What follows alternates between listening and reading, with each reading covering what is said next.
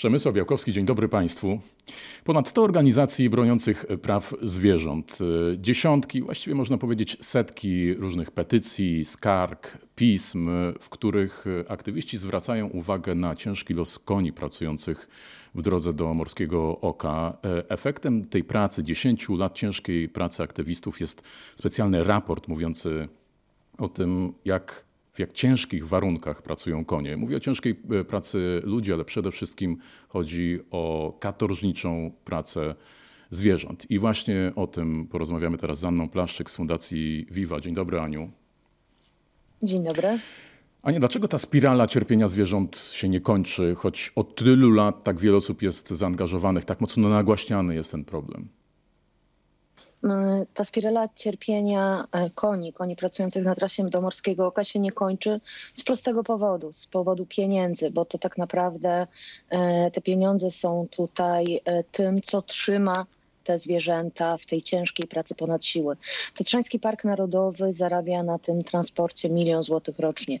Jeżeli weźmiemy pod uwagę, że e, z ministerstwa ma dotacje w okolicach 4 milionów złotych, z biletów e, ma wpływy do budżetu w okolicach 8 milionów złotych, to ten milion z transportu konnego stanowi naprawdę pokaźną część budżetu Tatrzańskiego Parku Narodowego. No i oczywiście oprócz samego Parku Narodowego na tym cierpieniu zarabiają też przy, prywatni przedsiębiorcy, czyli 60 prywatnych przedsiębiorców, którzy ten transport wykonują. I tutaj etyczne e, postulaty, etyczne e, dowody e, i to, że 68% Polek i Polaków chce likwidacji tego transportu właśnie z powodu cierpienia zwierząt, nie znajdują zrozumienia u urzędników, u tych osób, które zarabiają na tym transporcie, no bo stoi za tym po prostu ogromna kasa.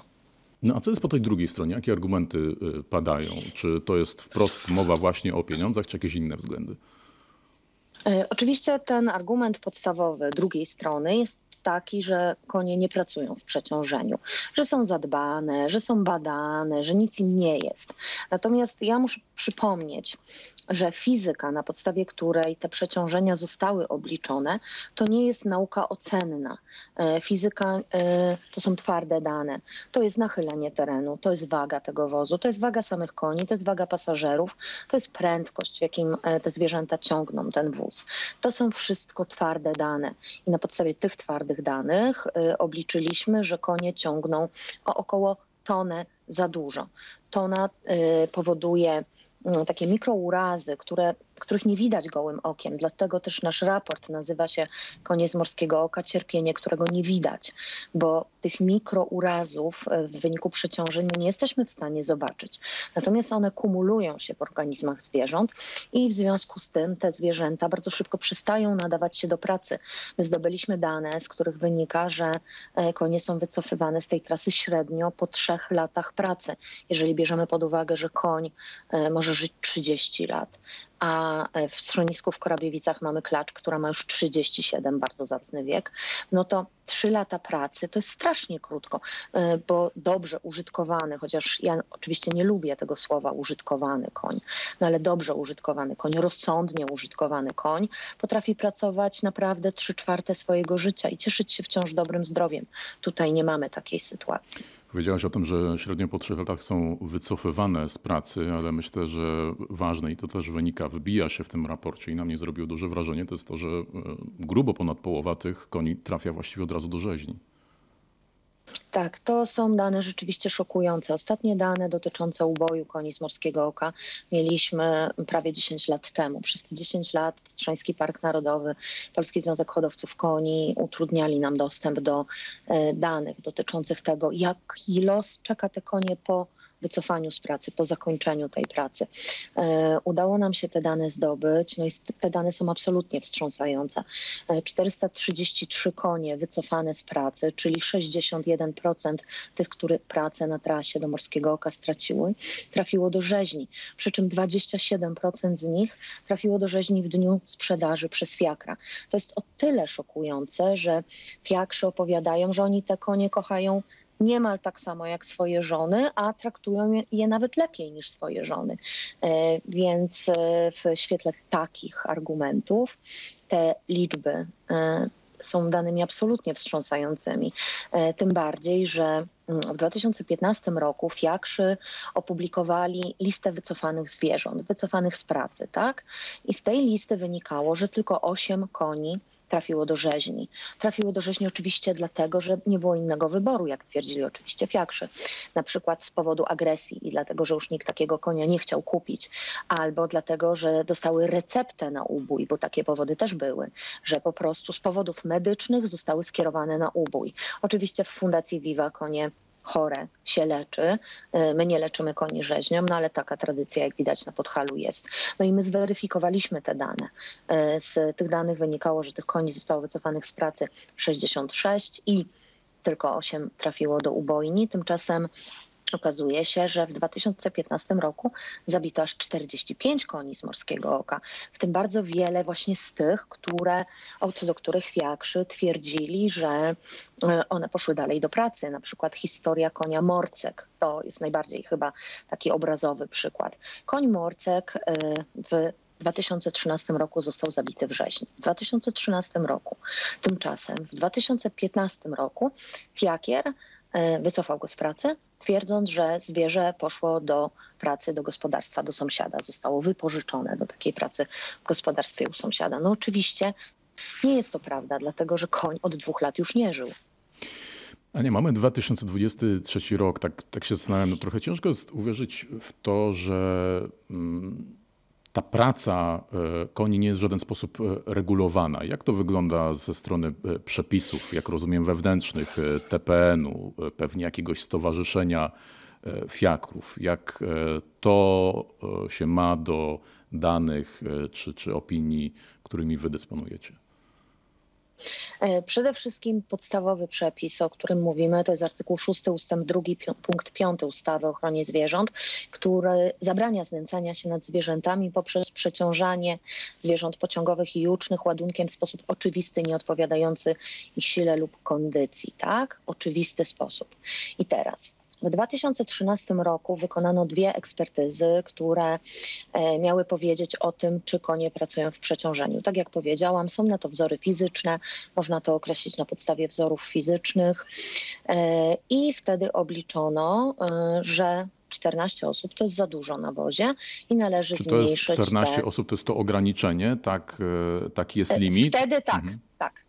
Tak, wtedy te e, Fiakier mógł zabrać 14 osób dorosłych, piątkę dzieci i nieograniczoną liczbę bagaży. No i z tych obliczeń ówczesnych wynikało, że e, to jest o dwie osoby za dużo.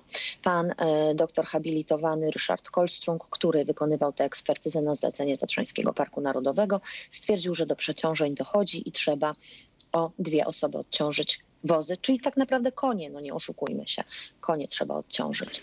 Natomiast e, rok później okazało się, że do tych obliczeń e, zastosowano zbyt niską wagę zarówno wozu, jak i pasażerów, jak i zły profil trasy.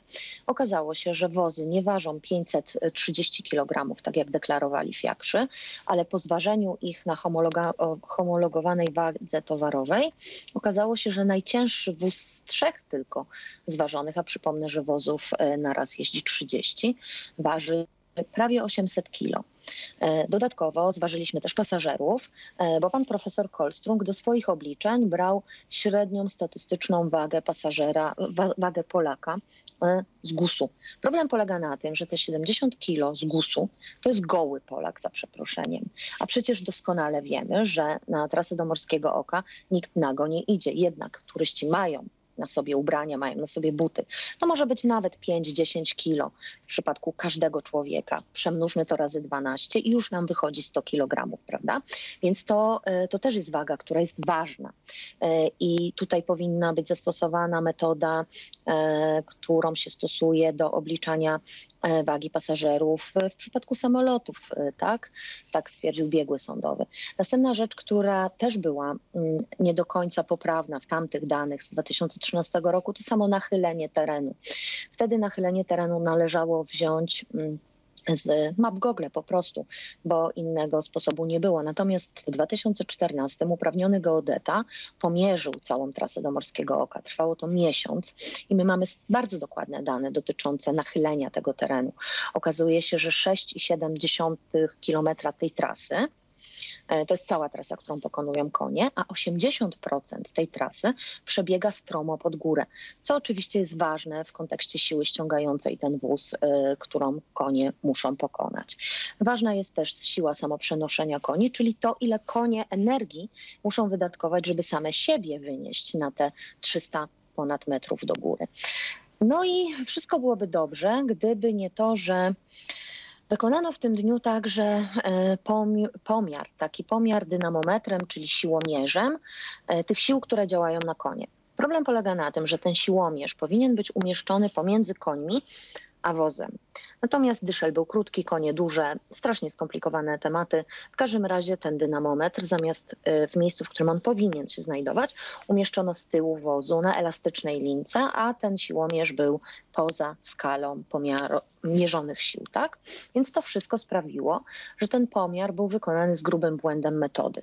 I takiego pomiaru po prostu nie wolno brać do wykonywania jakichkolwiek dalszych obliczeń. Mówisz Natomiast... bardzo, przepraszam, bo mówisz bardzo y, szczegółowo o pomiarach, o, o, o fizyce, o energii i, i, tak po chwili przypomniało mi się, y, że kilkukrotnie do pomocy w, w tej sytuacji miały być e, użyte wozy hybrydowe. I ta historia właściwie od kilku lat się toczy i na razie swojego szczęśliwego finału e, nie ma. Ja przepraszam, przerwałem ci, ci myśl, więc e, jeśli możemy jeszcze o te wozy hybrydowe zahaczyć. Dlaczego to nie działa?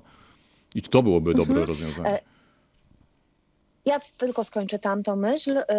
Generalnie doprowadziło to do tego, że po prostu wyliczenia, e, które poczynił ponownie e, ekspert na zlecenie Tatrzańskiego Parku Narodowego są błędne i potwierdził to biegły sądowy, który oceniał te wszystkie obliczenia w postępowaniu prokuratury rejonowej w Limanowej. Z naszych obliczeń wynika rzeczywiście, że konie ciągną o tonę za dużo. Jeśli chodzi o wozy hybrydowe, to nie miało żadnej szansy działać. My to mówiliśmy w 2014 roku, kiedy ten pomysł się pojawił. Ja jestem bardzo skrupulatna, sprawdziłam to wówczas. Okazało się, że tylko trzy firmy na, w całej Europie pracowały nad takim rozwiązaniem i żadna z nich nie zdecydowała się na wypuszczenie takiego wozu hybrydowego do warunków górskich, stromych, ponieważ tutaj bardzo dużo y, zmiennych y, należałoby rozwiązać i po prostu nikt, nawet kto ma doświadczenie, na to się nie zdecydował. Tatrzański Park Narodowy zamówił jednak prototyp wozu hybrydowego. Zamówił go w firmie, która kompletnie nie ma doświadczenia ani w pracy z końmi, ani w y, żadnej innej dotyczącej właśnie takich pojazdów hybrydowych, a tylko po prostu zajmuje się agregatami prądotwórczymi. No i co się stało? Ta firma wzięła do pomocy przy konstrukcji tej hybrydy tego specjalistę, który źle policzył przeciążenia. Więc mamy e, firmę bez doświadczenia, wyniki e, pomiarów, które e, wskazują, że konie nie pracują w przeciążeniu i ogromne pieniądze. Pierwsza hybryda spłonęła. Spłonęła w garażu podczas ładowania. Ja tylko przypomnę, że ona ma się ładować podczas drogi w dół. I przypomnę, że konie są zwierzętami uciekającymi, które na zagrożenie reagują ucieczką. Gdyby e, to ładowanie e, spowodowało zapłon podczas drogi tej hybrydy w dół, mogłoby dojść naprawdę do e, ogromnego nieszczęścia. Konie by się spłoszyły, gdyby za nimi pojawił się ogień. No i trudno sobie wyobrazić, jakby się to skończyło. E, drugi prototyp trafił na trasę kilka lat później. Miał problemy dokładnie takie same, właśnie podczas ładowania, podczas drogi w dół, kable się topiły e, i ten silnik się odłączał, ale tak naprawdę Tatrzański Park Narodowy od początku powinien był wiedzieć, że to nie ma najmniejszej racji bytu, dlatego że na Palenicy Białczańskiej, czyli w miejscu, z którego konie wyruszają i w którym są przechowywane wozy, nie ma wystarczającej ilości prądu, żeby te wszystkie hybrydy ładować. Tak naprawdę należałoby pociągnąć linię wysokiego napięcia z Zakopanego, co jest po prostu niemożliwe. W związku z czym w naszej opinii ta hybryda od początku była takim pudrowaniem problemu. A już abstrahując od wszystkiego innego, musimy pamiętać, że tak jak w przypadku ludzi, tak samo w przypadku koni, bieganie po stromo nachylonym, twardym asfalcie bardzo źle wpływa na stawy. Konie są zwierzętami, które natura wymyśliła do biegania po łąkach. W związku z czym nawet gdyby ta hybryda miała działać, choć tak jak mówię, od początku było wiadomo, że to nie jest możliwe, to konie i tak będą cierpiały w wyniku biegania po twardym asfalcie stromo nachylonym, i tak będą im się nogi niszczyły i tak będą bardzo szybko przestawały nadawać się do jakiejkolwiek pracy. Ania, w jakim etapie teraz, na jakim etapie teraz jesteśmy, w którym miejscu teraz jesteśmy? Myślę, że jesteśmy w tym samym miejscu, w którym byliśmy dokładnie w 2014 roku. My mamy dokładnie takie same argumenty. Dochodzi do przeciążeń, co potwierdził, e, co jakby nasze wyliczenia potwierdził biegły sądowy e, w, proces, w postępowaniu przygotowawczym w prokuraturze. Tatrzański Park Narodowy twierdzi, że e, organizacji społecznych nic nie zadowoli i jakkolwiek by tego nie obliczyli, to i tak my będziemy niezadowoleni. Zarówno opinie biegłego sądowego, jak i zdanie prokuratury, która nakazała wykonanie Tatrzańskiemu Parkowi Narodowemu szereg, szeregu czynności, jak poprawnie obliczyć te E, przeciążenia. Tatrzański Park Narodowy zna, zna je od wielu lat, wciąż nic nie robi, e, żeby te przeciążenia poprawnie obliczyć. No nic nie robi, dlatego że, my, że Tatrzański Park Narodowy wie, że my mamy rację. Jeżeli w końcu to poprawnie policzą, to wyjdzie, że konie pracują w ogromnym przeciążeniu i będzie trzeba ten transport zlikwidować. A oni nie chcą tego zlikwidować, no bo konie e, powodują naprawdę potężny zastrzyk gotówki zarówno dla ich właścicieli, jak i dla samego Parku Narodowego. E, w sądzie rejonowym w Olkuszu 13 mm, października odbędzie się posiedzenie E, w sprawie naszego subsydiarnego aktu oskarżenia. My zawiadomienie w sprawie znęcania się nad końmi z Morskiego Oka złożyliśmy w 2014 roku. To jest najdłuższe postępowanie, jakie ja mam na koncie. Tak? Ja się zajmuję bardzo wieloma e, postępowaniami w Fundacji Viva i tylko to trwa tyle lat. E, ono było dwukrotnie umorzone. I w związku z czym, że dwukrotnie było umorzone, fundacji przysługiwał subsydiarny akt oskarżenia, czyli taka figura, w której Y, pokrzywdzony, czyli fundacja w tym momencie, może wejść w buty prokuratora. To my możemy postawić zarzuty osobom, które twierdzimy, że znęcały się nad zwierzętami. No i ten subsydiarny akt oskarżenia został złożony na posiedzeniu 13 października. Będzie taka kontrola formalna e, tego subsydiarnego aktu oskarżenia. No i od sądu zależy, czy to trafi na wokandę czy nie. Jeżeli sąd zadecyduje, że nie, e, nam będzie przysługiwało oczywiście zażalenie na tę decyzję, więc jeszcze wszystko przed nami w kwestii prawnej, ale są, jest też kwestia edukacyjna. No właśnie, no to zostawmy e, te kwestie prawne, zostawmy może e, TPN i teraz skupmy się na użytkownikach, w sensie turystach, czy jak wynika z waszego raportu pseudoturystach, którzy nie bacząc na cierpienie zwierząt do takiego wozu wsiadają i płacą za to jeszcze e, całkiem duże e, pieniądze, więc może to oni powinni być e, adresatami, skoro te dotychczasowe działania przez tyle lat, działania wobec TPN-u, te, te, te, prawne apele i tak dalej nie skutkują. No bo jednak, no, skoro ktoś wsiada do takiego wozu, płaci za to nie wiem, kilkadziesiąt złotych czy, czy prawie 100 złotych, no to nie wiem, czy się zastanawia nad losem tych zwierząt, czy nie, czy uważa, że to jest normalne, że zawsze tak było, zwierzęta czy konie były używane w pracy, więc nic wielkiego się nie dzieje. Sam zastanawiam się, jak, jak ludzie do tego podchodzą. To się zmienia. Na szczęście e, dzięki naszej akcji edukacyjnej e, rzeczywiście to się zmienia i już w 2018 roku e, wozacy mówili, że coraz mniej osób wsiada, że coraz więcej osób wybiera spacer i to jest super. W wyniku tej akcji edukacyjnej, informacyjnej, którą prowadzimy od bardzo wielu lat, wsiadanie na te wozy stało się takim naszym narodowym obciachem tak, że, że jednak ludzie się wstydzą i ja e, regularnie raz w tygodniu przeglądam media społecznościowe w poszukiwaniu zdjęć z wozów, tak, że ktoś wstawił sobie zdjęcie, że jedzie wozem do Morskiego Oka i takich zdjęć nie ma. Nawet jak ludzie wsiadają, to oni się tego wstydzą, tylko po prostu to jest trochę jak z sandałami na szlaku. E, tak, trochę tak. Chociaż tę trasę kiedyś pokonaliśmy w ogóle na boso. Na boso, żeby pokazać ludziom, że to nie tylko w sandałach, nie tylko w kubotach, nie tylko w klapkach można to przejść, ale nawet na boso. Oczywiście przeszliśmy w dodatku w październiku, więc nawet w ten sposób się da. I, e, i rzeczywiście coraz mniej osób wsiada. Problemem e, są obcokrajowcy, którzy e, nie interesują się, nie czytają, nie sprawdzają. Wychodzą z założenia, że skoro coś jest dopuszczone, skoro te konie są na tej trasie, to znaczy, że to jest zgodne z przepisami, zgodne z prawem i te zwierzęta nie cierpią. E, I do tych ludzi rzeczywiście bardzo trudno nam dotrzeć, natomiast oczywiście się nie poddajemy i próbujemy. E, fajne jest tutaj to, że osoby z niepełnosprawnościami, e, które są często wymówką dla istnienia tego transportu, bo mówi się, że mm, bez tego transportu osoby niepełnosprawne nie będą mogły dotrzeć nad Morskie Oko bardzo często, praktycznie zawsze wybierają jednak mm, spacer, wybierają zdobywanie e, morskiego oka o własnych siłach i widzieliśmy te wszystkie mm, zdjęcia i filmy e, osób na wózkach, osób o kulach, e, które idą, które jakby postanowiły zmierzyć się z tym wyzwaniem. Oczywiście o czym też bardzo mało osób wie, na drogę do Morskiego Oka osoby niepełnosprawne mogą wjechać własnymi samochodami. To wynika z wyroku Trybunału Konstytucyjnego i rzeczywiście Tatrzański Park Narodowy wydaje takie wjazdówki. Co prawda je limituje, co w mojej opinii też nie jest zgodne z przepisami, ale, ale osoby z niepełnosprawnościami rzeczywiście mogą się dostać na e, nadmorskie oko własnym samochodem.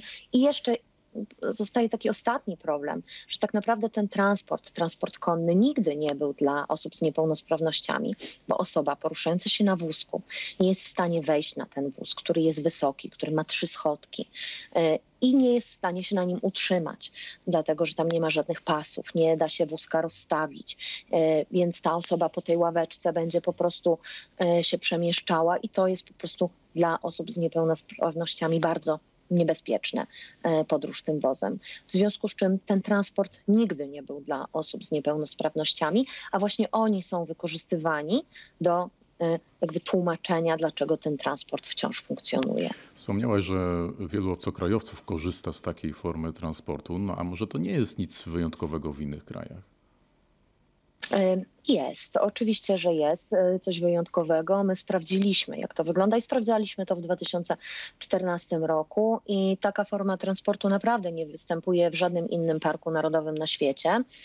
E, I teraz powiem e, coś, co już nie dotyczy tylko ochrony koni, bo tak naprawdę istnienie tych e, wozów, tych, tego transportu konnego zagraża także e, terenowi chronionemu, kozicom, niedźwiedziom, świstakom i wszystkim innym zwierzętom, które tam żyją. Tatrzański Park Narodowy limituje wyjazdy na Kasprowy Wierch kolejką ze względu na ochronę przyrody, wychodząc z założenia, że jeżeli e, kolejką będzie można przewieźć tylko określoną liczbę osób, to pozostałe nie wyjdą tam same, ponieważ nie będą miały ochoty, siły, tak? E, I dzięki temu Kasprowy Wierch i wejście na Orlą Perć nie zostanie zadeptane przez te osoby, które o własnych siłach by się tam nie dostały. Morskie Oko ma taki sam status ochrony jak Kasprowy Wierch i ta antropopresja na to miejsce jest ogromna. To jest najbardziej popularny szlak w polskich Tatrach, który w sierpniu potrafi dziennie odwiedzać nawet kilkanaście, powyżej dwudziestu nawet tysięcy osób. E, I bardzo wiele z nich rzeczywiście korzysta z tego transportu konnego, bo dziennie to może być nawet 3 do 5 tysięcy osób, które te zwierzęta przewiozą. E, gdyby te osoby jednak e, nie dostały się nad to morskie oko końmi, prawdopodobnie by się nie zdecydowały tam pójść, co mnie też osobiście dziwi, bo ta trasa to jest jedna z najprostszych tras w Tatrach, a na pewno najprostsza trasa, która prowadzi bezpośrednio w Tatry Wysokie. Zaczęliśmy od y, pieniędzy, tak odpowiedziałaś na moje pierwsze pytanie, e, dlaczego to się jeszcze nie skończyło. To, to jeszcze może na koniec o wątku tych y, pieniędzy. Mówiliśmy o TPN-ie, natomiast e, chciałbym jeszcze podpytać o samych fiakrów. Jak to się odbywa? Na ile ta cała procedura, no nie wiem, gdyby ktoś chciał dołączyć, czy to jest ograniczona liczba, rzucam jak, nie wiem, taksówek w Nowym Jorku, czy, e, czy te procedury, czy to jest jakiś przetarg, jak to wygląda, czy to jest nie wiem, z pokolenia na pokolenie. Zastanawiam się, e, czy tutaj jest pełna e, przejrzystość, transparentność e, w tej właśnie kwestii. Oczywiście, że nie jest. Oczywiście, że tutaj transparentności nie ma. E, pracę na trasie do Morskiego Oka może wykonywać tylko osoba zamieszkująca w gminie Bukowina Tatrzańska i te osoby są e, rzeczywiście wybierane na takich dość niejasnych zasadach. E, typuje je gmina Bukowina Tatrzańska do otrzymania licencji. Te licencje jednocześnie może mieć tylko 60 wozaków. I kiedyś lista kolejkowa, co jest bardzo ciekawe, wynosiła ponad 100 osób. Ponad 100 osób w gminie Bukowina Tatrzańska oczekiwało na pozwolenie na pracę na tej trasie. Tymczasem kilka lat temu okazało się, że ta lista kolejkowa zmniejszyła się z tych ponad 100 osób do 14. Mm, prawdopodobnie dlatego, że to przestaje e, powoli się opłacać. Przestaje się opłacać między innymi dlatego, że doprowadziliśmy do e, tego, że e, panowie muszą fiskalizować każdy jeden przejazd. Przed 2019 roku byli zwolnieni z fiskalizacji, no, byli na ryczałcie, czyli musieliby wejść w VAT po przekroczeniu pewnej kwoty obrotu. Natomiast nie, nie wiadomo było, czy ta kwota jest przekraczana, no bo tej fiskalizacji nie było. Udało nam się przekonać ministra finansów do tego, żeby te obowiązkową fiskalizację wprowadził. I właśnie ta zmiana e, w tej liście kolejkowej zbiegła się z tą fiskalizacją. Panowie teraz fiskalizują każdy jeden przejazd. Ja przypomnę tylko, że do góry od osoby to jest 90 zł. Jakier takich kursów góra-dół e, pełnych, czyli pełnych do góry i pełnych na dół e, w sezonie wysokim, może wykonać nawet 5. 5 do góry razy 12 razy 90, 5 w dół razy 15 razy tam 50 zł, prawda? Wychodzą naprawdę ogromne pieniądze, jeżeli bierzemy pod uwagę, że pracują po 15 dni w miesiącu, e, to są takie kwoty, e, o których ciężko mówić, że ktokolwiek z nas takie kwoty naraz na oczy widział.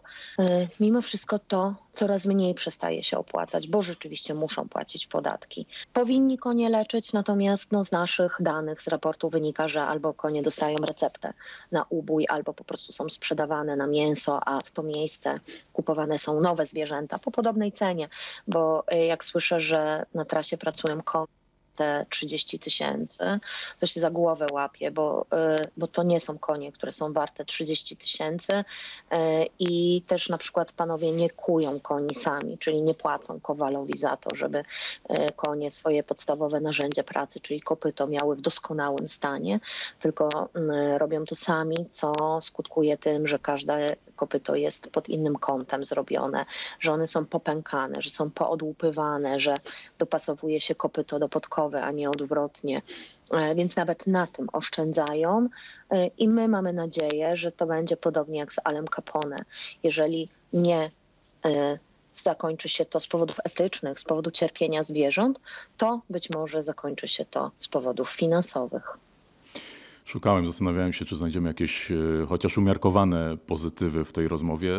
No i są. No i, i, i mam nadzieję, że, że za jakiś czas będziemy mogli ogłosić, że ta spirala cierpienia zwierząt się zakończyła. Bardzo dziękuję za te informacje. Bardzo obszerny raport Fundacji Viva i innych organizacji.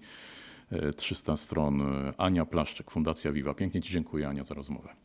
Dziękuję. Państwu też dziękuję. Zapraszam i zachęcam do oglądania kolejnych odcinków wideokastów Zielona Interi. Ja nazywam się Przemysław Białkowski. Kłaniam się. Do widzenia. Thank you.